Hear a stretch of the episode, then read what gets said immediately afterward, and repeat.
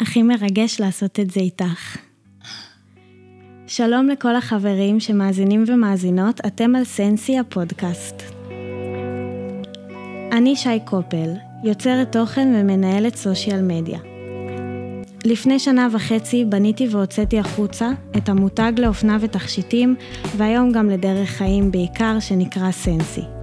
סנסי התרחב מאז לקהילה של אנשים שנאמנים לעצמם. הם מזהים רגעים אותנטיים וכנים שלהם. אני קוראת להם אנשי הסנסי. אני כותבת ומשתפת בבלוג האישי שלי באינסטגרם, והחלטתי לפתוח ערוץ פודקאסט על נושאים חשובים שנוגעים אליי אישית. הם קשורים בחיבור עצמי כמו אמונה, אהבה עצמית, דימוי גוף, מיניות, זוגיות, פחד, בחירות, ואני יכולה להמשיך לנצח. אני מארחת אנשים שפגשתי בדרך. הם מביאים איתם ידע והשראה מניסיון חיים וסיפורים אישיים. האורחת שלי לפרק הזה היא אהובת ליבי מגדה. מגדה היא דוקטור ומטפלת משפחתית וזוגית מוסמכת, מורה ליוגה ובעבר סמנכ"ל ארקיע. כתבה תיאוריה טיפולית המושפעת מתרבויות עתיקות וממסע החיים האישי שלה, והוציאה ספר מדהים שנקרא שביל הפלאות. היי מגדה. היי. Uh, זו הגדרה ש... זו הגדרה מאוד הגדרתית עלייך, אבל אני אשמח שאת תגידי מי את. זה הכי חשוב, לשמוע ממך. אמ, אני היום בת 68, אבל אני גם הילדה אה, שנולדה בירושלים, למשפחה בוכרית. אבא שלי דור שביעי ירושלמי, אמא שלי עלתה מסמרקן בגיל 14. ואני חושבת שאחד הדברים שאני לוקחת איתי זה, ה... זה החוויות שלי, מאז שנולדתי ועד היום, על כל האנשים שפגשתי בדרך, והספרים שקראתי, והמסורות שעשיתי, שבעצם אה, מביאים אותי למקום שבו אני הצלחתי לזכור את מה שאני בעצם אה, חושבת שאני יודעת, שאני יודעת היום. כאילו, אני חוויתי במסעות שלי מפגשים וקריאת ספרים ושמיעה של מוזיקה שכאילו הזכירו לי, הזכירו לי את, את מי אני באמת, והיום כשאני בת 68, אני מקווה שאני כבר יודעת מי אני באמת, למרות שאני תמיד מאחלת לכל האנשים שבאים איתי במגע, שעד יומם, יומם האחרון עוד ימשיכו לעשות את המסע כדי לזכור. את הידע שיש להם, שאנחנו לא באמת אה, יודעים את הידע עד הסוף, כאילו שנמשיך לזכור, אחרת מה הטעם לחיים, mm. אנחנו לא עושים מסע של היזכרות. נכון. אה. מגדה, אני, אני חייבת להגיד לך, תוך כדי שאת אומרת מי את, כי אני עברתי איתך תהליך ענק, ולמי שלא יודע, אני מטופלת אצלך כבר, עכשיו אנחנו כבר הרבה זמן סיימנו מסע מסוים, אבל uh, היה לנו רצף של שנתיים שלמות, ואת הוצאת ספר במתי? באיזה שנה? לפני שנתיים. לפני שנתיים? כן. לא, יותר. או שנתיים, לפני שנתיים וקצת אולי. כן, כמעט שלוש שנים, כי יש לי הקדשה ממך בספר. זה יכול להיות. מלפני שלוש שנים. זה יכול ואני, להיות. קשה לי לקרוא ספרים כמו שאת יודעת, ואתמול התחלתי לקרוא את הספר שלך, והדבר הראשון שקראתי זה הקדשה שכתבת לי, שאני תכף אדבר על ההקדשה הזאת, אבל אה, יש ציטוט שלקחתי מהספר שלך, שאת כתבת, כל הדרך שעשיתי על מנת לאסוף תארים וקריירה מקובלים, היו המס ששילמתי לחברה כדי לקבל לגיטימציה לעסוק בדברים שאינם בקונצנזוס ולכתוב עליהם. כאילו למה התכוונת? כי אנחנו מדברים עכשיו על מי את ועל הגדרות וזה מרגיש לי מאוד מתקשר. אה, כמו שאת מבינה, לאורך השנים אנחנו בעצם חיים את החיים. בלי להבין בדיוק למה אני עושה את זה, למה הלכתי ללמוד את זה, למה פגשתי את הבחור הזה, למה הייתי חברה של זה, למה נולדתי להורים האלה. אנחנו פשוט חיים, אנחנו הולכים ללמוד דברים שאנחנו לא בדיוק מבינים מה, למה למדנו ומה עשינו. ובתוך המסע שלי יש כאילו חיים מקבילים. חיים מקבילים לזה שאני עשיתי את מה שכביכול חשבתי שהחברה מצפה ממני שאני אלמד. אני כל כך, כל כך הייתי בטוחה שזה גם הדרך שאני רוצה לעשות, שעשיתי אותה בצורה מאוד טבעית, כאילו... אחרי, גדלתי בבית דתי, הייתי דתית עד גיל, עד כמעט סוף תיכון. עד שיום אחד גיליתי, הייתי, הלכתי למסיבה ואבא שלי, הייתי צריכה להחזיר הביתה ב-12 בדיוק. ואבא שלי לא באמת היה יכול לדעת מתי הגעתי, כי בשתי... היה לנו שעון שבת ואי אפשר היה לראות מה השעה. אבל הייתה לי אחריות לבוא ב-12 בלילה, ואז היינו במסיבה, ותמיד החברים המסכנים שלי היו צריכים לקחת אותי ברגל. כולם היו נוסעים מכוניות, ואת מגדל לוקחים ברגל, הלוך ושוב, ל... ללכת חצי שעה לפחות, כי זה לא היה הכל היה בשכונה כמו היום. ואז כש... כש... הייתה מסיבה עם מוזיקה וריקודים וניגנו בגיטרה, היה נורא כיף. ירושלים של פעם, זה לא היה המסיבות של היום, זה היה כאילו הרבה יותר אה, קורדיון וכל מיני כאלה, והיה נורא כיף. הסתכלתי על השעון, אני רואה כבר 12 וחצי, כאילו עכשיו עד שאני אלך ברגל הביתה, נהיה בטח איזה אחת וחצי, ואני אומר שיקרה, חבל על הזמן, מה, מה, מה יקרה לך שלי, בבית? אם אבא שלי מתעורר במקרה ורואה שאני כן. מגיעה באחת וחצי. אז אמרתי לך, יאללה, בוא תיקח אותי באוטו, בוא תסיע אותי. זה קרה לכולם, נראה לי, באיזשהו שלב בחיים. כן, אז הוא הסיע אותי. כן, אבל בבית דתי, שאתה בטוח שאתה מקבל עונש אם אתה נוסע כן, בשבת, ואתה מקבל, זה לא עונש רק מאבא שלך, זה עונש גם אלוהים. ואז הוא לקח אותי עם האוטו, והגעתי בשש דקות, וראיתי שלא קרה לי כלום. לא צמחו לי כנפיים ולא צמחו לי קרניים, אבל כנפיים זה דווקא רעיון טוב, אבל לא קרה לי כלום, נשארתי אותה מגדה, עם אותן דעות, עם אותן הרגשות, עם אותה אחריות אישית, עם אותה אמונה שהייתה לי. ואמרתי בעצם, למה אני מחזיקה משהו שבעצם אני לא באמת מחוברת אליו? ואנחנו לאורך השנים, כי למה? כי ההורים שלי היו דתיים, אני גם, אני גם בחרתי ללכת לבית ספר דתי, כי הרגשתי שם הרבה יותר בטוח, אבל אתה הולך למסלול שאתה, אתה הולך למסלול שכאילו מישהו, מישהו תכנן בשבילך ואתה הולך בתוכו. אתה זה, אתה עושה לך אוניברסיטה, אתה מתחתן, אתה עושה ילדים, אתה לומד פה, אתה לומד שם, ואני למדתי כל כך הרבה דברים שבעצם לא, כאילו לא היו קשורים למי שאני היום, אבל אני מבינה שלא הייתי יכולה בלעדיהם, כי היום כשבאים אליי אנשים, עשיתי BA, MA, דוקטורט, עשיתי עוד MA אחר כך בפסיכולוגיה, אחרי שכבר הייתי, הייתי כבר סמנכ"ל בארקיע 22 שנה, במסלול שהיה מדהים, אבל אמרו לי, מה, מה את מחפשת? את סמנכ"לית, יש לך משכורת, יש לך כבוד, יש לך... יש לך ילדים, יש לך משפחה, מה, מה מה, מחפשת? מה את מחפשת? כי התחלתי לנסוע להודו, עשיתי קורס מורים ליוגה, נסעתי להרווארד לארה"ב ללמוד גישור, נסעתי, למדתי, חוץ מה-BA, מה ודוקטורט, למדתי רפואה סינית שנה מתוך זה, כי חשבתי שזה מעניין אותי, ואחרי זה אמרתי, לא, לא רוצה לדקור. בקיצור, אבל אני, אני מבינה היום, אני מבינה שהמסע שעשיתי, כדי להשיג את התארים, אני קוראת לזה המציאות המכוסה, מי שיקרא את הספר יבין מה זה המציאות המכוסה, אבל המציאות שבה מישהו מתווה לך ואומר לך, אם אתה תעשה את זה ואת זה ואת זה, אז גם תהיה מקובל, גם תהיה טוב. שמח, גם תהיה מאושר. כן. ואז הבנתי שהיום כשאני מדברת על כל הדברים שאני מדברת, או בספר, כותבת בספר, אני צריכה, הייתי צריכה לגיטימציה של השיטה, או כביכול של המציאות המכוסה, כדי, כדי אה, כדי לדבר שטויות היום, כדי... כדי להיות את. כדי להיות אני. כאילו צריך לגיטימה, כדי להיות אנחנו, אנחנו צריכים איזשהו, במציאות המכוסה, כמו שאת מדברת עליה, זו המציאות שמתקיימת מסביבנו, אנחנו צריכים את הנקודות לזכות, התארים האלה, כדי שיקשיבו לנו. כדי שיתייחסו לנו ברצינות. כן. כי אם אני גרה בבית, ואם אני הייתי באה עכשיו מהודו עם תיקה על המצח ועם...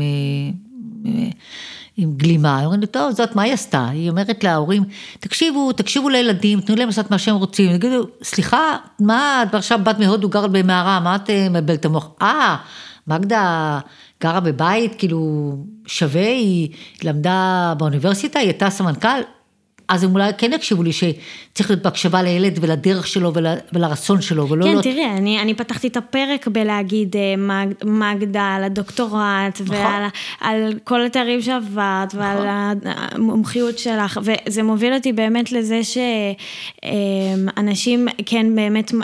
זה קצת, זה באותו כיוון אבל קצת שונה, יש אנשים שהרוב משקיעים את רוב הזמן בחיים שלהם בשביל להתמקצע במשהו, בשביל להצטיין, כי יש איזשהו תחושה במציאות המכוסה, אני אדבר בשפה של הספר שלך ושלך, שכדי להיות מצוין במשהו אתה צריך להשקיע את כל, כל הזמן שלך ואת כל החיים שלך. ו, ואז באיזשהו שלב אתה קולט שאתה לא רוצה את זה פתאום, זה קורה להרבה אנשים. ויש אנשים שעוזבים, ויש אנשים שלא, כי הם אומרים לעצמם, מה, אני אעזור, כל החיים השקעתי, כל כך הרבה שנים, מה, אני אזרוק את זה לפח, מין כאילו ביטוי שאני ממש לא מסכימה איתו, אבל אני אזרוק את זה לפח, ופה אני מגיעה להקדשה, כי את כתבת לי אה, לפני שלוש שנים, כשהבאת לי את הספר, ופתחתי אותו אתמול לראשונה, למרות שאני מכירה אותו בלי לקרוא. אבל כתבת לי, שי אהובה, את רק מתחילה את המסע המדהים והמיוחד שלך, העולם עוד ישמע ויראה אותך, אוהבת אותך מגדה.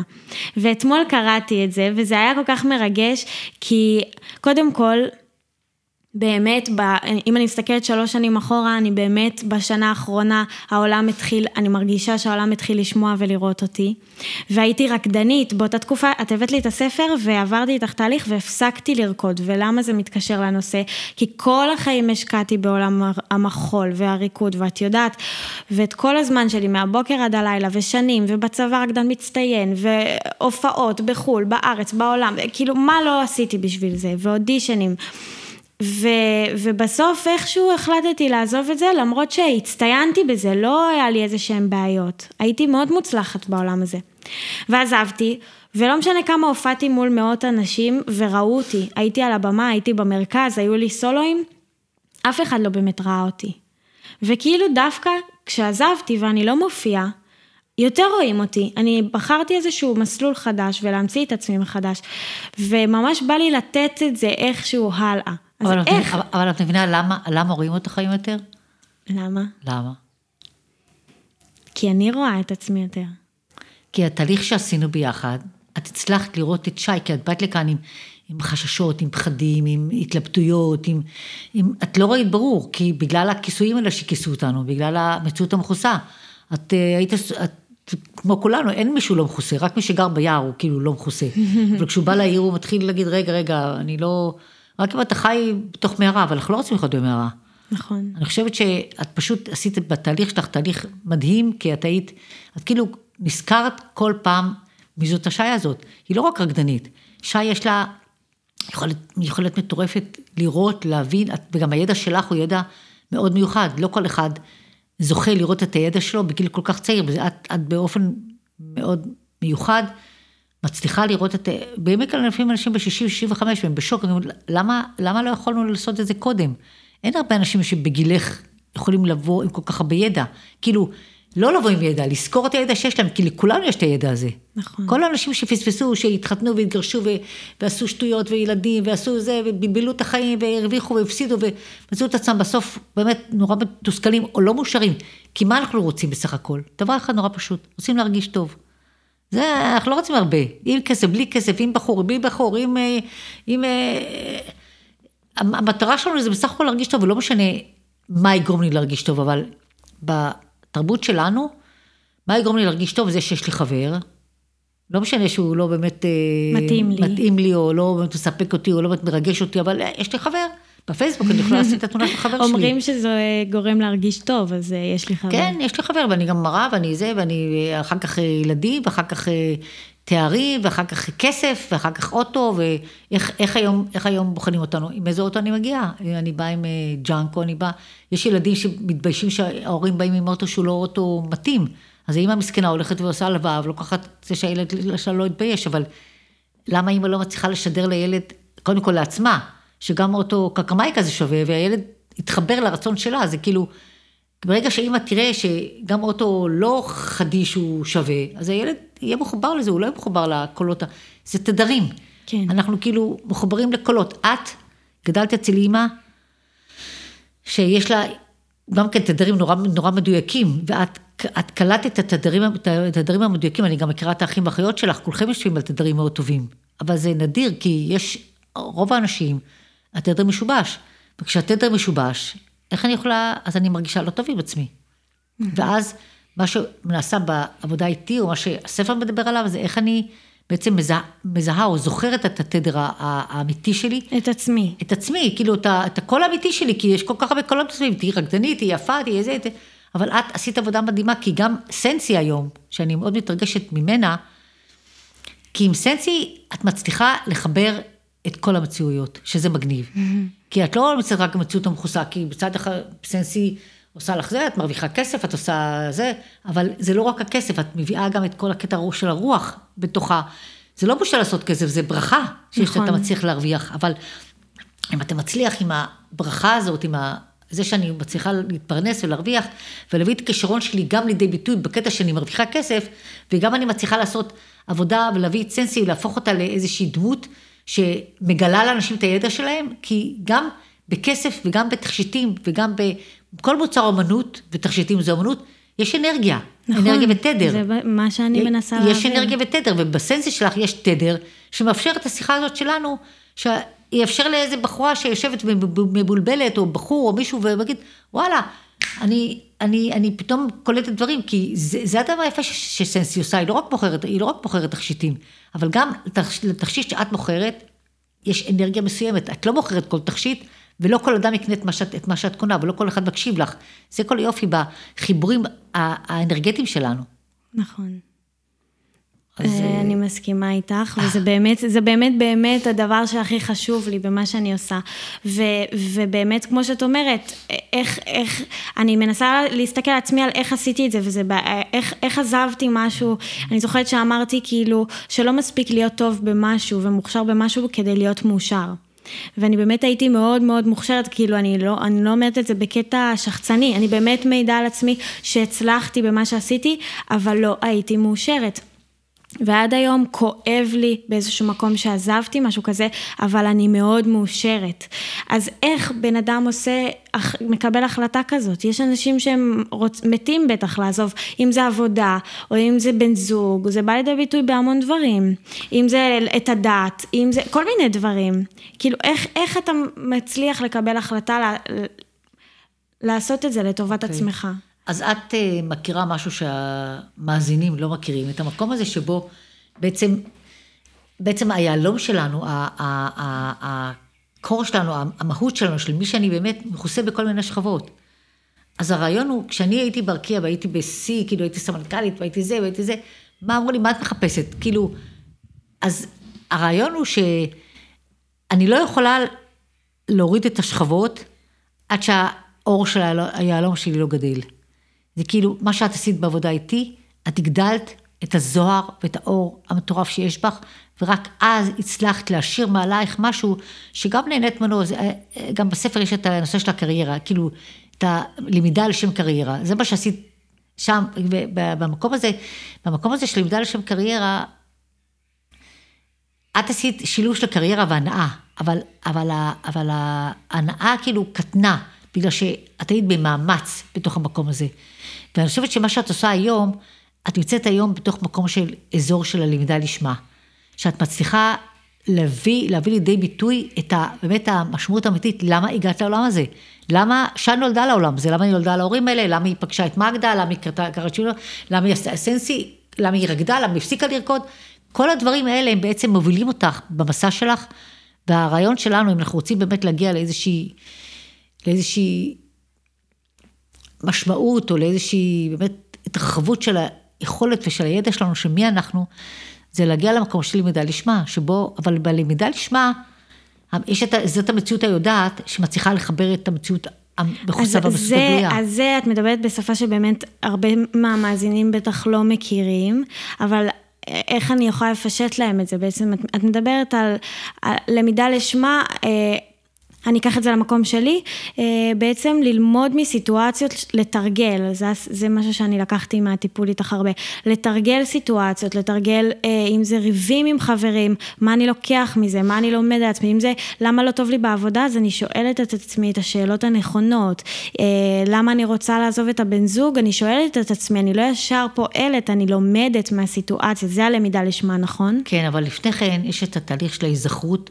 של מי אני, כי כל פעם אני במצב של יכולת מסוים.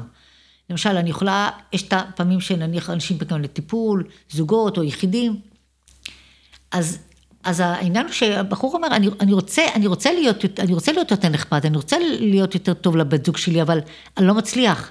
אני לא יודע, אני באה הביתה ואומרת עכשיו אני אבוא, אני אעשה לה וזה וזה, אני נכנס לחדר, נכנס לבית, וואלה, יש מריבה, אני לא יודע איך המריבה הזו קרתה. עכשיו, זה לא בגלל שיש לו, יש לנו יכולת בסיסית שמכוסה בשכבות, אז יהלום שלנו מכוסה בשכבות, ואז אני יכולה לפעול רק בתוך, רק בתוך השכבות, אני לא מצליחה לפעול בתוך היהלום. כן. וכשהיהלום גדל, פתאום אני רואה את הכל נורא ברור, אומרת, רגע, אני רוקדת. כל השאר מתקטן. אני רוקדת, זה נחמד לי, אבל אני, אבל אני מחפשת עוד משהו, כי, כי כשאני מכוסה, אז הריקוד נראה לי אופציה היחידה, היחידה בעולם, וכשהיהלום שלי גדל, האור שלי גדל, ואני הרבה יותר מחוברת למי אני, או אני מאמינה בעצמי, רואה עצמי, אומרת לעצמי, כן, אני יכולה לרקוד, אבל אני יכולה לעשות עוד דברים. עוד דברים. אני יכולה לעשות עוד דברים, וכשאני רואה אותך עכשיו יושבת כאן גיבש לך כאן אולפן שלם, באמת אדם, אדם טכנולוגי, למרות שאת כביכול היית אומנית, אומנית של ריקוד, ואת את, עשית, העמדת את הכל בעדינות, ב, ב, בהקשבה ובזריזות ובמיומנות, כי את למדת את עצמך לעשות את זה, זה כאילו, יש לנו כל כך הרבה ידע שמתכסה, שמכוסה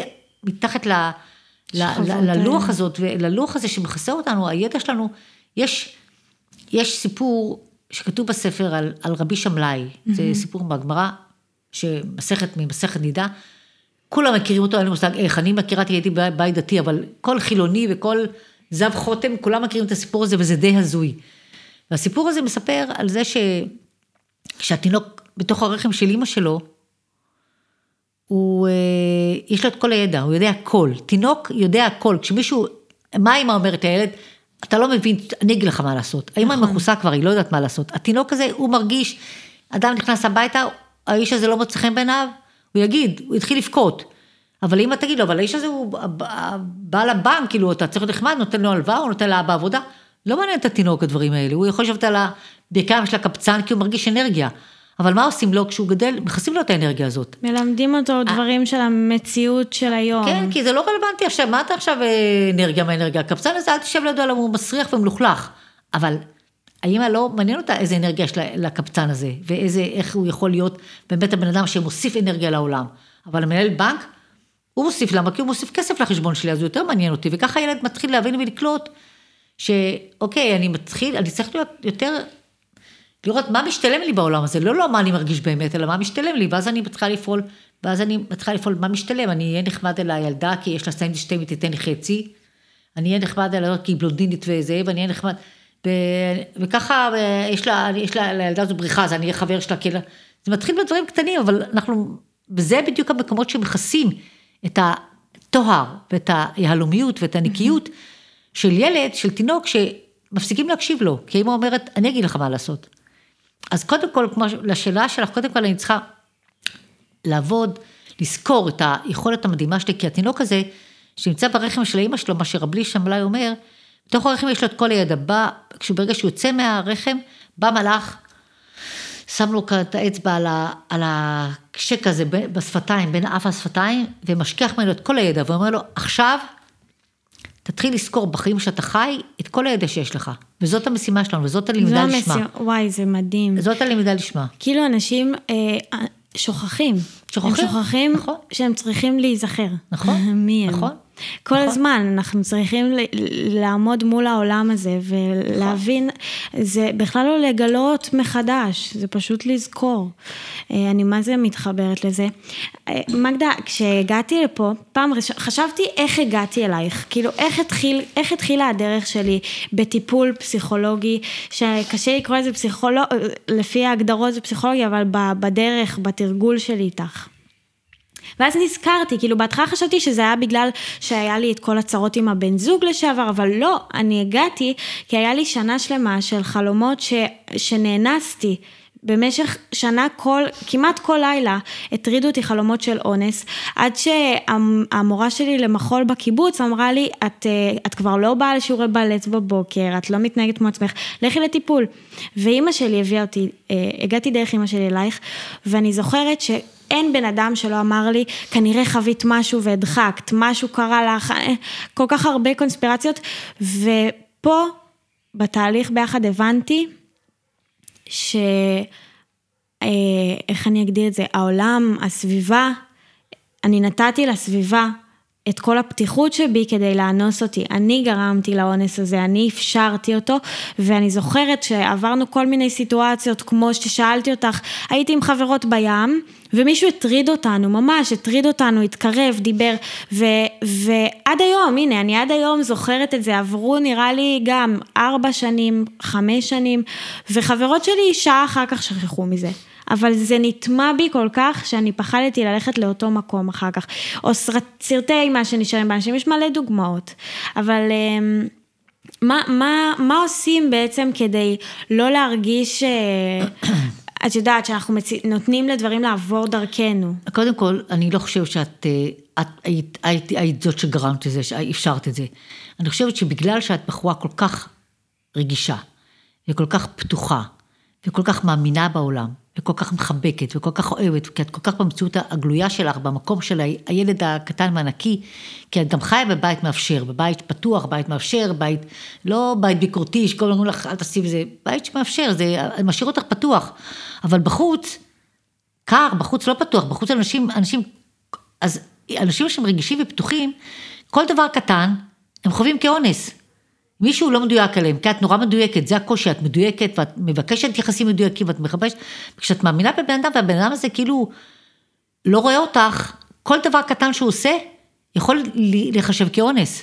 זה אונסים קטנים, אתה נאנס, אנחנו נאנסים. אני אתן לך דוגמה מהחיים שלי. Mm-hmm. אני חיה בבית מאוד נעים ונוח, הבעל שלי בבוקר הולך לשחק גול בשבת, אני יושבת, אני כותבת, אני בשקט, נורא בנחת, הוא פתאום מגיע הביתה. מגיע הביתה, הוא רוצה לשמוע רדיו, לשמוע עכשיו, הוא לא אכפת לו מה, איזה מוזיקה הוא שומע, פרסומות, לא פרסומות. הוא מתחיל לשים, ועכשיו יש בית גדול, הוא מדליק את הרדיו, הוא מתחיל לשמוע בכל הקולות, כי הוא עובד בגינה, הוא רוצה לשמוע. אני חובה, אשכרה אונס.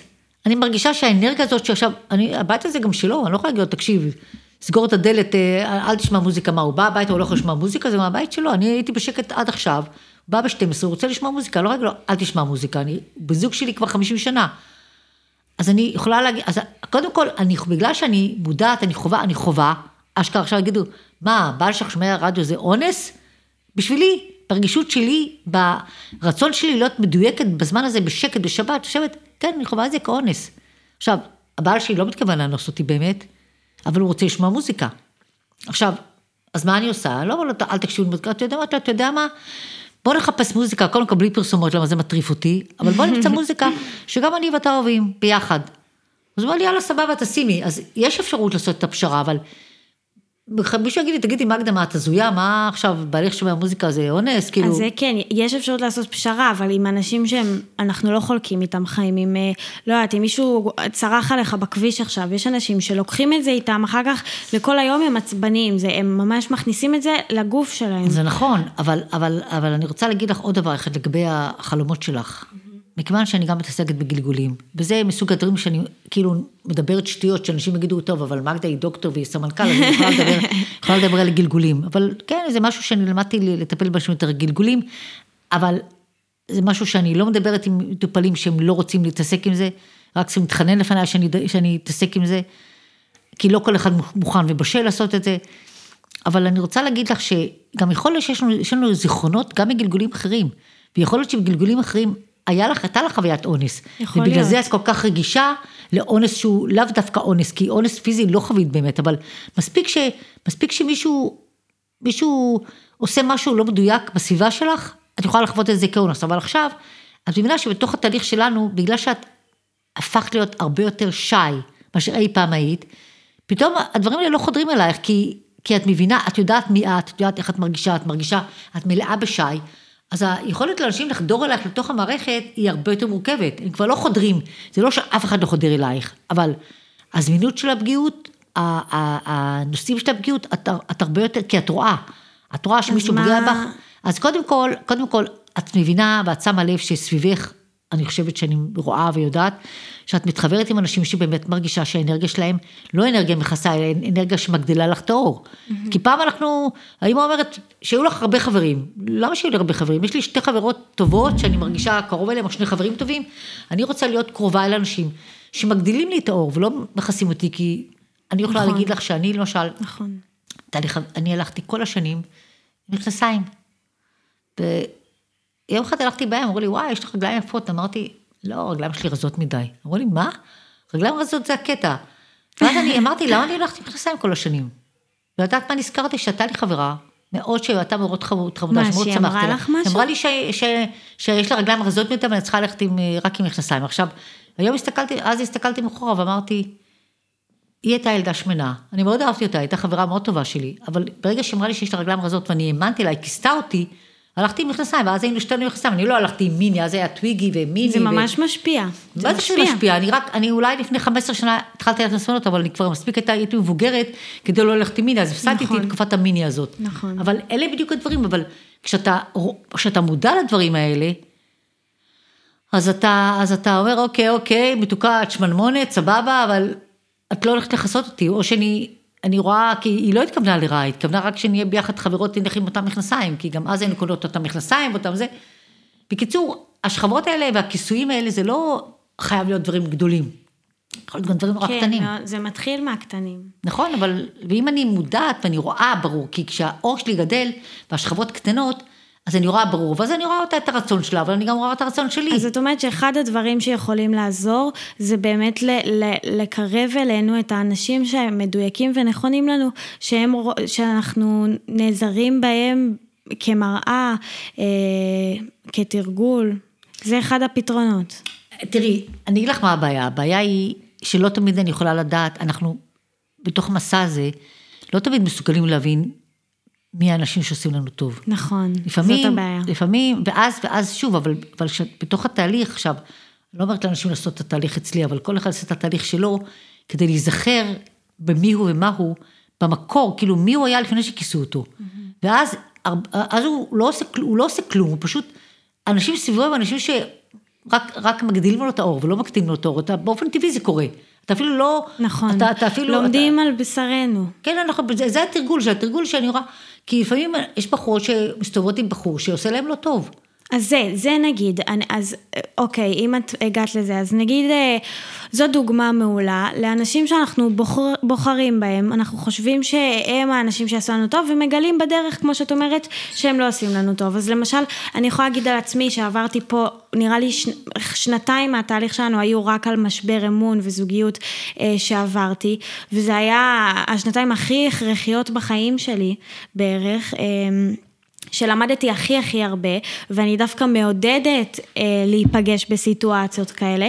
ויש עוד ציטוט מהספר שלך שאני ממש אוהבת, שאת כתבת, כשנכנסים למערבולת, אין להתאמץ ולהילחץ מתוכה, אלא יש לזרום עימה. מאבק במערבולת זוהי דרך בטוחה לטבוע. נכון, קשה לסמוך על מערבולת, שלכאורה מנסה להטביע אותנו, כי היא שתוביל אותנו החוצה. ואני ממש ממש אהבתי את המשפט הזה, גם כי אני באה מעולם הגלישה וחשבתי כמה זה נכון בטבע.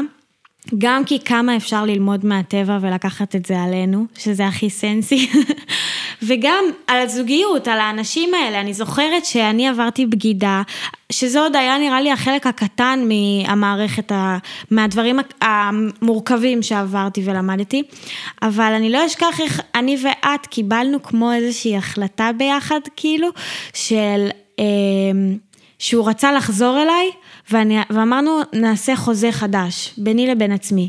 זאת ההזדמנות שלי לחוזה חדש. עכשיו, זה לא משהו טריוויאלי שכל אחד עושה. בן אדם בוגד בך, הדבר שכל החברה תגיד לך זה, טוס משם. למה את נשארת שם? מה פתאום? ואני זוכרת שהייתי מופתעת, כי אצלך זה היה המקום היחיד שיכולתי, אמ, כל בן אדם שדיברתי איתו, הרגשתי לא בנוח, כי רציתי להישאר. כי היה בי את הרצון להישאר, לא משנה כמה סבלתי, רציתי להישאר. וזה מה שקורה לרוב הנשים. אה, וכמובן, אני לא מדברת על, אה, על איזה משהו מסוכן שאסור להישאר, אני מדברת על זה שזה לא היה טוב לי, אבל רציתי, ורק את באמת בשיח איתך הרגשתי שאני יכולה לעשות, לבחור לעשות מה שאני רוצה. ו... קיבלתי החלטה לעשות חוזה שבודק האם, אה, אני לא יודעת אם את זוכרת, האם אני יכולה לסמוך שוב, שזאת ההזדמנות שלי לנצל. לא אהבה, לאהוב שוב, להאמין לו, האם אני יכולה, אה, זאת ההזדמנות שלי, בן אדם פגע לי באמון, רק מולו אני יכולה להבין אם אני יכולה לסמוך עליו שוב, ורציתי לנסות את זה, וזה היה כל כך מגניב, כאילו, אני, את זוכרת את זה? בוודאי שאני זוכרת, מה? כן, ו, וזה מתקשר לי לזה, ש, למערבולת הזאת, שכאילו אתה צריך, אצלך זה נקרא שהייה, זה הדבר הכי חשוב שלמדתי פה. שאתה צריך רגע, ברגעים של שיאים, ככה אני מתרגמת את זה, ברגעים של שיאים, אה, לא לקבל החלטות מיד, לתת לכל הרגשות שלך לצוף, כל יום אתה מרגיש ככה, אני כועסת עליו, אני שונאת אותו, אני מאוהבת בו, אני לא יכולה לשכב איתו, אני מתה לשכב איתו, אני, כל יום אתה מרגיש משהו אחר, עד, ש, עד שאתה מקבל את ההחלטה מהמקום הנקי והשקט שלה. נכון, כי זה יפה, כי זה, את הבאת באמת את המשפט הזה, שבתוך הטבע, אני שוחה בים כל בוקר כבר שנים. את גם שוחה בחורף. שוחה גם בחורף, נכון. ו... והמקום הזה של ה... שאתה נכנס, היינו לפעמים נכנסים לתוך מערבולת בכוונה, כדי לתרגל את זה, בתוך הים. המציל היה. משתגע, מה, כאילו אמרת לכם לשחות שם, למה את שוחה פה? ו... כי בתוך. בתוך המערבולת אתה, ברגע שאתה מרגיש בטוח ואתה יודע, וואלה, אני אצא מהמערבולת, אבל זה תרגול שאתה אומר, אני, אני, אתה מתרגל את היכולת שלך להיות בהרפייה. השהייה מאפשרת הרפייה, כשאני בהרפייה אז אני נחה וה, והמערבולת לוקחת, כי מה שאת, מה שאת חווית עם האקס שלך, אחד האקסים שלך, שה, שה, אז כל אחד אמר לך, תתרחקי ממנו, הבחור הזה לא טוב לך, הוא לא עושה לך טוב. אבל מה שאת עשית, את הצלחת דרך התרגול מולו, לראות כמה שי יכולה להיות בהרפייה, גם מול מערבולת, כי את נכנסת לתוך מערבולת בכוח, כאילו נכנס, זה כמו שאומרת, אני שחית, נכנסת למערבולת, את אומרת, וואלה, אני מתרגלת. נכון. אני בתוך מערבולת, מה זה מה שהייתי עושה בתוך שחייה, זה היה מגניב אותי שהייתי שוחה, והצילה אומר, אבל שם, שם אני כאן סימנתי, לא לזה, יש, סימונים כאלה, ואני הייתי שוחה, כי אמרתי לעצמי, אני, אני יודעת, אני אתרגל, אני... ואז צריכה לתרגל את ההרפייה, ואת נכנסת לתוך המערבולת במודעות, זה כבר מקום אחר.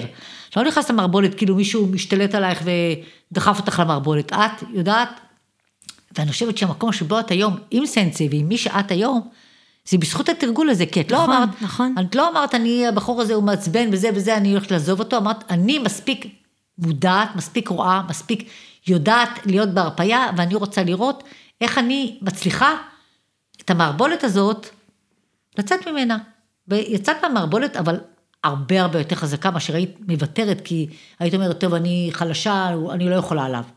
את יכולת עליו, יכולת עלייך, כאילו, את, את, את חלק מהתרגולים המטורפים שלנו, של המקומות שבהם אנחנו נקלעים. כשאת היא אימא, וכשאת היא נשואה, או כשאת תנהלי חיים, הכל יהיה אפשרי בשבילך. כל מה, ש, כל מה שתפגשי בדרך, את תראי ותביני, ותגידי, תביני למה, למה הבחור הזה שהייתי איתו, למה הוא היה במצוקה? למה הוא היה צריך להקטין אותך, ולמה הוא היה צריך לתת לך להרגיש, לחוות חוויות שהוא במודע, לא, בצורה לא מודעת, אבל את חווית חוויות, כי את היית ילדה מאוד מאוד מיוחדת, מאוד רואה, מאוד יודעת, מאוד נבונה, וזה הקטין אותו. אז מה הוא עשה? פשוט ישב ולקח לך את הכוח. הקטין אותי בחזרה. הוא הקטין אותך כי הוא היה צריך את הכוח, כי מה, זה קורה לנו במלא דברים בחיים. נכון, כי אם הוא היה לו כוח, הוא היה רק מעריץ אותך, אוהב אותך, מחבק אותך וזה, אבל מה, מה עושה מישהו שאין לו כוח? לוקח למישהו אחר. לוקח, למי לוקחים כוח? למי? למי? לקרובים אלינו? למי שיש כוח. את לא תקחי אה. כוח ממי שאין לו כוח. את רואה מישהו שיש לו, אני אקח לו את הכוח. נכון, נכון. ואז את, בגלל שלא הכרת את שי עד הסוף, ולא היית מלאה בה עד הסוף, נתתי. את היית, נתת לו ברוחב לב, כי את בן אדם שנותן כוח, אבל איפה היה הבאג? לא זוכרת את הכוח שלך. היום את ממשיכה לתת כוח, אבל מתוך זה שאת יודעת שיש לך כוח. אני גם יודעת שאני נותנת. את יודעת שאת נותנת... ואם לא הייתי חווה את המערבולת הזאת, גם לא הייתי יודעת את כל מה שאנחנו מדברות עליו נכון, כרגע. נכון. זה נכון. קורה במלא סיטואציות, זה יכול לקרות בין עובד למעביד, אה, שאתה לוקח את הסמכות שלך בתור אה, מעביד ובוס, ואתה יכול להקטין מישהו אחר, למרות שאתה מרגיש שהוא יותר גדול ממך, אתה מרגיש שהוא יותר, אה, אתה יכול לקנא בו בהרבה דברים, ואתה לוקח ממנו ומקטין אותו בשביל אה, להעצים את עצמך. ונראה לי הטעות אה, היא לא להסתכל על למה הוא עושה את זה קודם כל, אפשר לבחון את זה, כמו שאת אומרת, אני יכולה היום לבחון מאיזה מקום האקס שלי עשה את זה, אבל המקום הנכון הוא להסתכל על מה אני עושה עם זה, נכון? כאילו, קודם כל, לפני, קודם כל, כשאת, כשאת הופכת להיות, כשאת, האור שלך גדל, ואת לא עובדת מתוך השכבות, את פתאום רואה ברור, את רואה מה הוא עושה. כן, את היום גם- אני רואה את- כשמנסים את- לעשות לי את- את את זה. גם רואה שהוא עושה את זה לא מתוך זה שהוא רע, מתוך זה שהוא שונא אותך, מתוך זה שהוא זה, מתוך זה שהוא, שהוא צריך כוח, והוא פשוט לוקח את הכוח הזמין לידו. אז הוא לוקח לך את הכוח, אבל היום כשיש לך את הכוח של עצמך, או יש לך, יש לך את עצמך ואת רואה ברור, אז קשה, אז קשה, קשה להפיל אותך, כאילו, כשאת את רואה מישהו לוקח כוח, את אומרת, אוקיי, אני יכולה לתת לך כוח כך, עשרה גרם מהכוח שלי, אבל יאללה, כאילו, מספיק. אבל את, אבל את יודעת שיש לך את הכוח ואת יכולה לתת, אז זה לא שכשאתה עושה את התדך, אתה לא אומר, טוב, אני עכשיו לא נותן כוח לאף אחד, אל תיקחו לי, להפך, אתה נהיה עוד יותר נדיב. כי, אתה, כי אתה יודע שהכוח הזה רק, הנתינה שלך רק מייצרת את, ה, את הכוח של עצמך, זה כמו תחנת אנרגיה, כמו, תחנת דלק? כמו, כמו, כמו, כמו תחנת אנרגיה, כאילו, זה, אה, כמו, אנרגיה. זה, זה כמו שאם אני נניח, אה, אם, אם, אם אני, אה, אה, כמו, כמו, כמו מצבר באוטו, ככל שאני נוסעת, כאילו שאני מפעילה את המצבר ככה, או כמו, כמו תינוק שיונק מאמא שלו, ככל שהוא יונק, ככה היא מייצרת יותר חלב. אבל זה, זה מין מערכות כאלה שבעצם ככל שאתה מזין אותן, ככה הן יותר מוזנות. אבל כשאת יודעת שיש לך מה לתת, ואת מודעת לנתינה שלך לידע שיש לך, כי מה את נותנת לו? מה את נתת לאקס שלך? נתת לו את הידע שלך, נתת לו את, את השכל, את האהבה, את, החוכ, את החוכמה, את הזה, אבל, אבל זה, לא, זה לא היה מספיק, כי הוא, כי הוא הרגיש שאת יותר ממנו. כשאת יותר ממנו, הוא לוקח עוד, הוא לוקח עוד, את אומרת, נתתי, כאילו, כמה אני יכולה לתת לך? נתתי, נתתי, נתתי, ואת, באמת, הדברים שהוא עשה היו הזויים, כי את היית חברה כל כך טובה, והוא המשיך והמשיך והמשיך והמשיך, ואת, אבל ברגע שהגעת למקום שבו היית במקום שהבנת והכרת את עצמך ואת היכולת שלך, ובחרתי בעצם להיכנס למערבולת. בחרת, אבל מתוך חוזה חדש בינך לבין עצמך. כן. כאילו, אני עכשיו רואה ומבינה וזה, ואני, ועובדה שבסוף שחררת את הקשר הזה. נכון, מהמקום הכי טוב. אני חושבת, מה שהבנתי עכשיו, ברגע זה, זה שבאמת... מאוד קשה להיות מודע לדברים האלה. הדבר שהכי חשוב, אם מקודם אמרנו זה להקיף את עצמך באנשים, זה ללכת לטיפול מבחינתי. כי אם לא הייתי פה, ושכל אחד ילך לאן שהוא רוצה כמובן, אבל אם אני לא הייתי פה אצלך, אז לא הייתי מגיעה לתהליך הזה, וכנראה הייתי מקשיבה למלא אנשים אחרים, שהם לאו דווקא אובייקטיבי, או לא אובייקטיביים, או לא, לא, לא יודעת, הם לא מתאימים ומדויקים לי. או לא מוסמכים לזה בכלל. ואני חושבת שהעצה שלי מתוך כל זה, זה שאם מישהי או מישהו נמצא בדילמות ובכללי טיפול זה לכל דילמה בחיים, או אפילו לא דילמה, זה בכללי כדי להעצים את עצמנו, אז זה לדעתי הכי הכי הכי קריטי. אבל אני רוצה לומר לך משהו בעניין הזה. לפעמים כשאנשים הולכים לטיפול, לא לאדם המתאים, ושוב, זה לא שאני רוצה שאנשים יבואו אליי, אני... לא, ברור, אנחנו אה, מדברות אנחנו על... אנחנו מדברות במקום הזה, שהרבה פעמים אנשים באים לטיפול. זה קורה למלא אנשים, הם אומרים... ש... אני... הם מרגישים שהם מקולקלים. Mm. ובעבודה איתי, הבן אדם, הם מרגישים שהם מקולקלים וצריך לתקן אותם. ובעבודה פה, אף אחד לא מקולקל. כולם מתוקנים, רק הם לא זוכרים כמה הם מתוקנים. כי הרבה פעמים יש אדם, אדם הולך לפסיכולוג, כן, אמא שלך עשתה לך ככה, אמא שלך עשתה, אה, אמא שלך, אה, בגלל זה אתה... אני הולך כי יש לי בעיות. בגלל זה זה עושה לך בעיות, אבל אני חושבת שהבעיות שלנו נובעות, נובעות מזה שאנחנו חיים בעולם, לצערי, שהוא לא מאוזן. Mm-hmm. ואנשים שהם רגישים, במיוחד אנשים רגישים, הם האנשים שהחוסר איזון של העולם פוגע באיזון שלהם. ואז כשה, כשהחוסר איזון לעולם פוגע בהם, הם מרגישים שמשהו אצלם לא בסדר. Mm-hmm. יש כאן כל כך הרבה סיפורים של אנשים ש... למשל, בחורה אחת השבוע אמרה לי, שהיא מרגישה שהיא לא מביאה את עצמה לידי ביטוי בחברה. שהיא נורא פוחדת וזה. בתוך כדי הטיפול והשיחה, במפגש, היא פתאום הבינה שהיא לא מדברת בפני סוג מסוים של אנשים שלא מכירים את הנשמה שלה, אבל בסוג אחר היא מדברת, היא פה דיברה מאוד מאוד ברור ומאוד רהוט. את אומרת, היא לא, היא לא פנתה לאנשים הנכונים. היא פשוט, היא אינטואיטיבית הרגישה שהאנשים האלה לא מבינים ולא רואים אותה ולא מבינים אותה, וכשהיא תדבר, הם לא יבינו מה היא אומרת. Mm-hmm. אז היא פשוט לא מדברת, אבל היא חשבה שמשהו יצא מקולקל. שהיא לא מדברת ולא מרשה עצמה, אבל בתוך השיחה איתנו היא הבינה שהיא לא מדברת, היא לא מדברת במקומות שבהם אנשים אנרגטית, לא מחובר, היא לא מחוברת אליהם, זה פתאום נהיה סיפור אחר.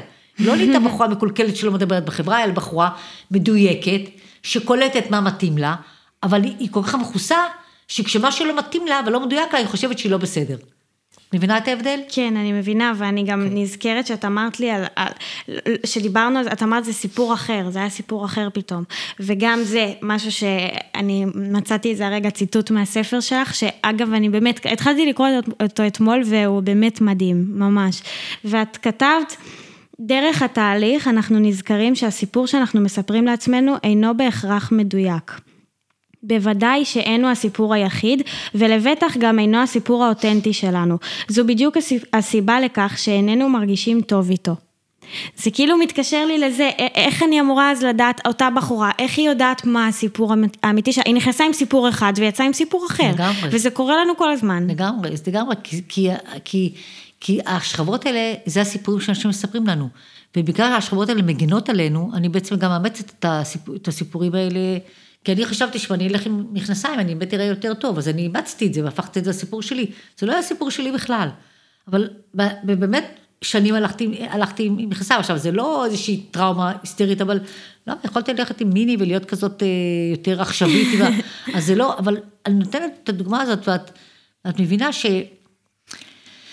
שרבי נחמן מברסלב אומר דבר נורא יפה, את תקראי את זה, לא הגעת את זה אולי, אבל הוא אומר, ואני באמת מאוד אוהבת את הסיפורים שלו. הוא אומר שמתי העולם מגיע לגאולה? מתי? מתי? כשכל אחד יספר את הסיפור האמיתי שלו. זה ממש מגניב, כי כשאת יודעת את הסיפור האמיתי, את, את לא מקנאה, את לא כועסת, את לא... אין מלחמות, כאילו, הלוואי, כל שלום. אחד מספר את הסיפור, כי, כל, כי הסיפור שלי, יש לנו, על ארץ ישראל יש כל כך הרבה סיפורים, כל אחד מספר את הסיפור שלו, מה הסיפור האמיתי שלי, מי הארץ הזאת, למה אנחנו שונאים ערבים, ערבים אנשים נחמדים, מקסימים, טובים, ואנחנו כאילו כל הזמן מכוסחים איתם, ועל מה? על מה אנשים הולכים להילחם, על מה אנשים, יש כאן, הכל זה סיפורים, ואנשים מספרים סיפור, ועם הסיפור מייצרים מציאות. אבל עכשיו, מה הסיפור הזה? זה סיפור שלי, סיפור שלימדו אותי לספר, סיפור ש... מקובל שאני, לספר. מקובל לספר, סיפור ש... לא יודעת, זה כאילו, זה נורא מבלבל, כל הסיפורים האלה הם, הם הסיפורים. שאת רצית לעזוב את הבחור הזה, אמרו לך, מה פתאום, את חייבת לעזוב אותו, הוא לא מתנהג אלייך יפה. אבל את היית מספיק חזקה כבר כדי לא להיפגע, את הרבה הרבה, הרבה, את כבר לא היית פגועה. בנגלה השנייה שחזרת אליו, כבר היית פחות פגועה, כבר היית הרבה יותר רואה, הרבה יותר מבינה, ואז אמרת, אוקיי, רק כשאני אחזור אליו, אני אוכל לתרגל את זה, אני אוכל לעזוב מתוך עוצמה ולא, ו- ו- ולא בתחושה. בגלל זה אני גם מספרת, אגב, אני מבינה עכשיו שאני כל הזמן מספרת את הסיפורים שלי, הפגיעים יותר, ואנשים אומרים לי, איך את, איך את מספרת את זה, איך את חושפת את זה, זה, זה מאוד חשוף, למה את, זה, זה מביך, למה את מספרת שמישהו, בפרק אחר סיפרתי על דברים שעברתי, אם זה שנעלו אותי בחדר כי לא הייתי לבושה יפה, או כל מיני דברים, ואומרים לי, בואנה שי, איך את מספרת את זה? ואני לא מרגישה, אני מרגישה שאני מאוד מחוברת לסיפורים שלי, האלה, כי... זה, זה הסיפורים שלי, האותנטיים שלי באמת, שעברתי, ושאני יודעת שהם שלי, ושהם לימדו אותי, תרגלתי ולמדתי מהם. ואת יודעת, אתמול... יש, יש איזה, אם כבר אמרת, אני עוד לא הגעתי לספר, באמת לא סיימתי אותו, ו... והפרק הזה בפודקאסט הוא ממש מוקדש לספר שלך, ואני אתמול ראיתי נינג'ה עם הבן זוג שלי איתי. ויש את המגה קיר, אני לא יודעת אם את מכירה, אבל יש מגה קיר שצריך לעבור, והיה איזה מתמודד שכמעט לא ולא עבר אותו. ואז איתי זרק משפט, אין, הוא פשוט לא מתמסר לקיר. ואני לא עניתי לאיתי, אבל כאילו חשבתי לעצמי, בתור הרקדנית הזאת של פעם, ש, שי, הרקדנית, איך... איך הוא לא מבין איתי שזה מאוד קשה להתמסר, זה לא משהו שהוא כל כך קל, זה מורכב להתמסר. ואתמול קראתי משפט מהספר שלך, התמסרות התמסרות היא שגורמת לנו להיזכר שהחיים נצחיים. ואני לא הבנתי אותו, רציתי שאת תסבירי לנו אותו. אוקיי. Okay. טוב, את נוגעת בנושא שאפשר לתת עליו רק הרצאה של שלוש שעות. אני אעשה את זה אבל בקצרה. אני כן. חושבת שאם אני חוזרת חזרה לסיפור של המערבולת, אז מה, ש... מה מאפשר לי לצאת מהמערבולת באמת? ההרפאיה? ההתמסרות. ההתמסרות. ברגע שאני מתמסרת למערבולת ואני סומכת עליה שאני אצא ממנה, אני גם סומכת על עצמי. כאילו המקום הזה, אני חושבת שהקושי נניח, אם זה המאזינים שלך הם אנשים צעירים שכולם חווים עניינים של זוגיות וכאלה, והנושא של התמסרות הוא אחד הנושאים הכי הכי משמעותיים ב, ביכולת שלנו, בטח בזוגיות, בטח בהורות, ובטח בכלל בחיים, להיות, להתמסר, כאילו להיות, להיות במקום שבו, כי, כי גם מה שאת עשית עם האקס שלך, שחזרת חזרה, חזרת עליו אחרי שכאילו נפרדתם והוא עשה דברים שלא היו, לא היו נכונים, או פוגעניים, את, את התמסרת, אבל התמסרת ממקום אחר, כאילו המקום הזה שבו אתה מרגיש שאני יכול, כי הקושי, הפחד, נורא מפחיד להתמסר. נכון. כי בתרבות שלנו, מה, אם אתה מתמסר, ההתמסרות זה בדיוק, בדיוק המציאות הגלויה. הילד, הילד מתמסר, הוא, הוא יגיד לילדות שהוא אוהב אותם, אבל הם יצחקו עליו, הוא יעשה... כי הבת שלי, נניח, היה לה חבר, והוא, ביום אחד היא הייתה בת 16, הוא היה מדריך בצופים, הוא היה כזה קצת יותר גדול ממנה. אז היא באה הביתה ואמרה לי, הוא עזב אותי, היא הייתה בת 16 אולי. היא יפה ומתוקה ומקסימה, רוני קוראים לה. והיא אמרה לי, הוא עזב אותי, אמרתי לה, למה הוא עזב אותך? היא אמרה לי, כי הוא אמר לי שאני אוהבת יותר מדי. החברות שלה אמרו לו, תתחיל לעשות לו תרגילים, תתחיל להגיד לו, אני לא יכולה, תשחקי אותה, כאילו, תכנסי לתוך משחק. ואני אמרת לה, רוני, את לא עושה משחקים, את תחכי עד שיבוא החמור הגדול הזה, שאוהב אותך בדיוק כמו שאת. כי, אז היא אומרת לי, אמא, אבל, אבל אני לא רוצה שאת, את אומרת על הדברים טובים, אבל אני רוצה שהבחורים האלה בחוץ, שהם יאהבו אותי וירצו אותי. הבחורים האלה, כשאני מתמסרת ואני אוהבת ואני מתקשרת אליהם, ואני אומרת להם שאני אוהבת אותם, אני חברה שלהם, הם, הם, הם לא רוצים בחורה מתמסרת, הם רוצים את הביצ'ית הזאת, שתגיד לי, כן, ולא, ו, וזה נורא מבלבל, כי, כי בחוץ, כי אני, אני בתור אימא, לימדתי אותה להתמסר. וכשהיא התמסרה, חטפה סטירות, חטפה כאפות כל הזמן, אז, ובסוף, וזה באמת, באמת, באמת מתסכל נורא ילדה, שהיא אומרת, אוקיי, לימדו אותי להתמסר, הייתה מחבקת, אוהבת, משהו, משהו כזה מאוד כמוך פתוח ובטוח, ו... אבל בחוץ היה נורא קר, בבית היה חם, אבל בחוץ היה נורא קר, כי בחוץ לא, לא קיבלו את ההתמסרות, הבחור הזה עזב אותה והיא אהבה אותו. הוא היה מדריך, הוא היה בצופים, הוא היה זה. הוא הלך. עכשיו, הוא בא מבית ששם היחסים אני גם במקרה, במקרה מכירה את האבא, את החבר החדש של אימא שלו, אבל, שהוא היה איתי בצבא. אבל אה, אתה פתאום מבין שהילד הזה חווה דברים, והוא קיבל מסר, לא להתמסר, אתה לא יכול להיות, כי מה במציאות שלנו, מה זה להתמסר? למה אתה נחשב? במציאות המכוסה? כן. אה, אתה נחשב למטומטם. פראייר, פראייר, חלש, מתמסר, כאילו מה, כאילו, ואז כשמישהו מתמסר, אז הרבה, הרבה... כמו בצבא, יש אנשים שקוראים להם צהובים. כן, גם.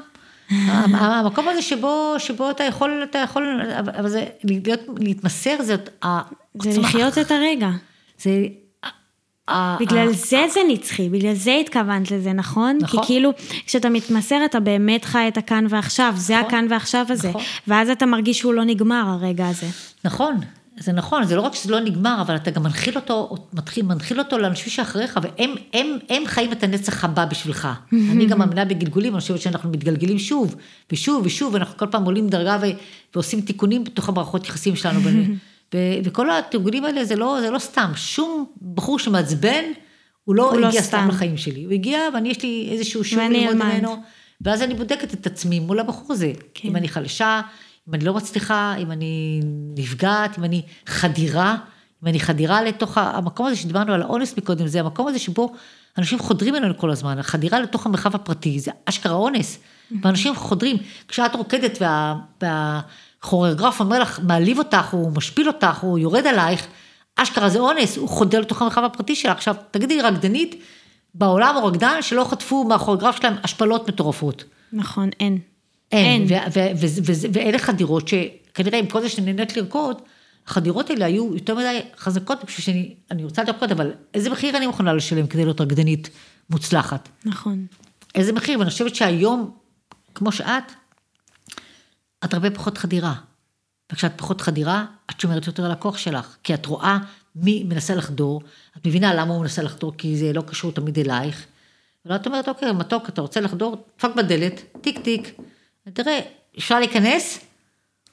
את יכולה להגיד לו, אתה יכול להיכנס, אתה לא יכול להיכנס, אבל את דורשת, אני מבקש שידפקו בדלת, שלא ייכנסו ככה בלי, בלי, בלי, בלי יתפרצו לתוך המרחב הפרטי שלך. נכון. וזה משהו שאנשים פורחים לתוך המרחב הפרטי כל הזמן.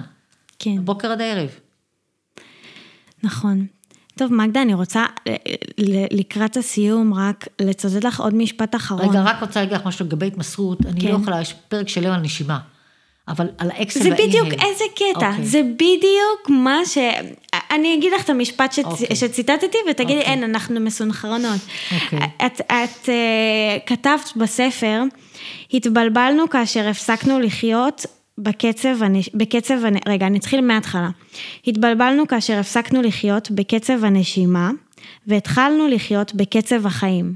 על זה רציתי לדבר? התחלנו לנשום בקצב החיים.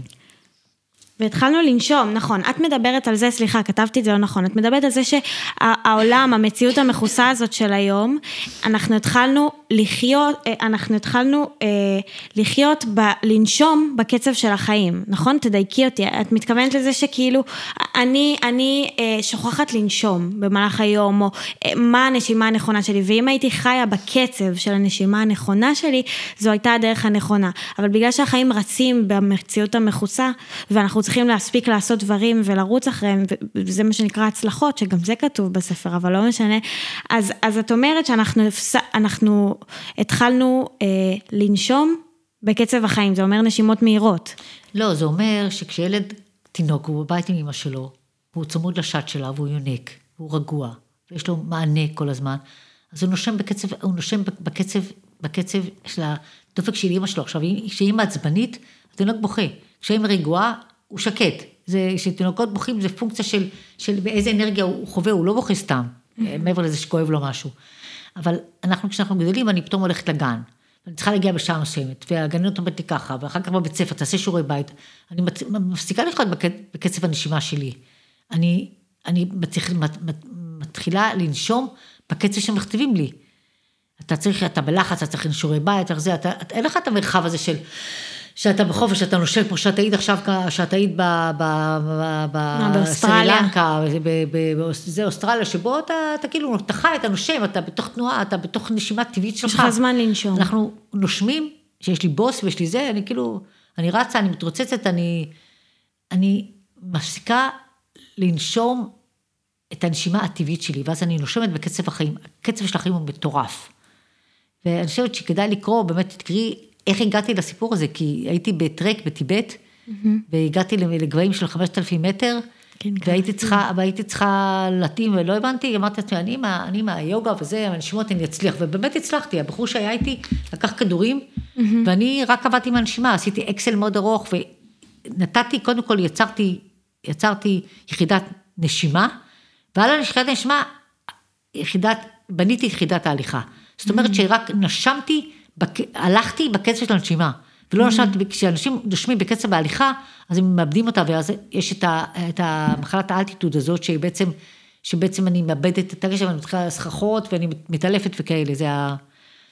ומה שאני בעצם עשיתי, ואז אני קלטתי פתאום, פתאום זה נשמע כמו קלישאה מה שכתבתי, אבל זה היה בעקבות חוויה מטורפת שהייתי בטרק, שכולם לוקחים כדורים, אני הייתי עם איזה בחור אחד, איזה גבר אחד, והצלחתי, הצלחתי ללכת, ורק הבנתי שבעצם, שבעצם אני, אם אני יכולה לחיות בקצב הנשימה, אז החיים שלי יהיו הרבה יותר, הרבה יותר נוחים ונעימים, וזה חלק מההתמסרות, כי אני גם מדברת על התמסרות בהקשר של מוות, שבמוות אני בעצם עושה אינהייל, כאילו שאיפה, ואני נושפת ואני לא שואפת יותר, אני כאילו בהתמסרות, כי הנשיפה יש בה התמסרות, כי ביוגה, כשאני עושה אסנה של יוגה, איך אני מתמסרת לתוך התנוחה? אני נושפת, אני צריכה לעשות, אני נניח, אני עושה פאצ'מוטנסנה, פאצ'מוטנסנה, שזה כאילו, שאני מביאה את החלק העליון של הגוף לחלק התחתון של הגוף, אני עושה נשימה, שאיפה, נשיפה, ואז אני מצליחה פש, להיות שטוחה על הרגליים, רק בגלל שנשמתי, והאקסייל הוא זה שבעצם מייצר את ההרפייה. הוא מי שייצר את ההתמסרות. עכשיו, כל הסיפור של היוגה זה לא רק יוגה, זה כאילו דרך הגמישות הפיזית, אני מצליחה לייצר גמישות רוחנית, או הפוך, זה איזה מין משחק נורא נורא יפה ומעניין. בקיצור, יש אה, על ההתמסרות, זה באמת... זה עולם. זה עולם, עולם של עצמו, אבל... אה, כן. אבל נורא קשה להתמסר, בתוך מציאות שלנו, ההתמסרות נורא קשה, כי אני פוחדת שאני אאבד את עצמי, זה בדיוק הפוך. ככל שאני יותר עצמי, ככה יהיה יותר קל להתמסר, כי אני לא אפחד שיפגעו בי, אף אחד לא יכול לחדור אליי. נכון. כי אני, כי אני, כי אני הרבה יותר ברורה לעצמי. מהמם. אני בעיקרון אה, יכולה לשבת איתך שעות, אבל אני חושבת שזה היה מאוד אה, מתומצת כזה, יש לך איזה משהו שאת אה, היית רוצה להוסיף, איזה משהו שהיית רוצה... אני רוצה לומר דבר אחד, שאני חושבת שאנשים צריכים... להתרגש מהמסעות, ולא להיבהל מהם. Mm-hmm. כי מסע, כי המסעות, אנחנו באמת באים לעולם בשביל לעשות מסע. וגם בקטע של הזוגיות, הרבה אנשים נורא רוצים לסגור אחד את השני. אבל אנחנו באנו, באנו לעולם הזה לחופש, לא באנו ל... באנו, אני... הקטע של הזוגיות זה כאילו מקום שבו אני עושה מסעות פיזיים ורוחניים או תודעתיים, כדי להגיע לחופש, כי גם בזוגיות אפשר להיות בחופש, שזה נראה כאילו משהו מקביל, אבל באנו למסע, וצריך הרבה אומץ למסע הזה, והמסע הזה הוא מסע מרגש, כאילו, ולא, ולא לחשוב, טוב, עשיתי כבר, נגמר לי מסע, המסע לא נגמר. אם אנחנו באמת אנשים של חופש ושל פתיחות, ובאנו לחיות את העולם באמת, והמסע הזה הוא, גם כשהוא נגמר במוות, המסע לא נגמר. זה רק חלק מהמסע. וזה המקום של ההתמסרות, כאילו, המקום שבו גם המוות וגם כל ההתמסרויות האלה, הם מייצרים אנרגיה חדשה, הם לא, הם לא נעלמים. נכון. הולכים לאדמה והם נוצרים מחדש. מדהים.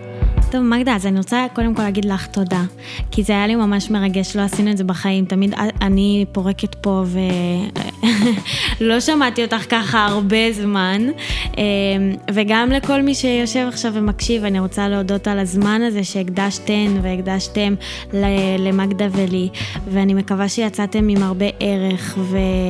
ואולי אה, כוח, אולי הצלחנו לתת להם גם. כוח. להזכיר להם. להזכיר להם, לתת להם לזכור, לזכור. ו, ואנחנו נשמח ממש אם יש לכם מישהו או מישהי שהייתם רוצים ושמחים להעביר להם את הפרק הזה הלאה, שזה יעשה להם טוב. שאתם מרגישים שהם צריכים את זה, או שמרגש אתכם שהם ישמעו את זה, אז אנחנו נשמח שתעבירו ותשתפו. ותודה רבה לכולם. תודה רבה לך. ולכם.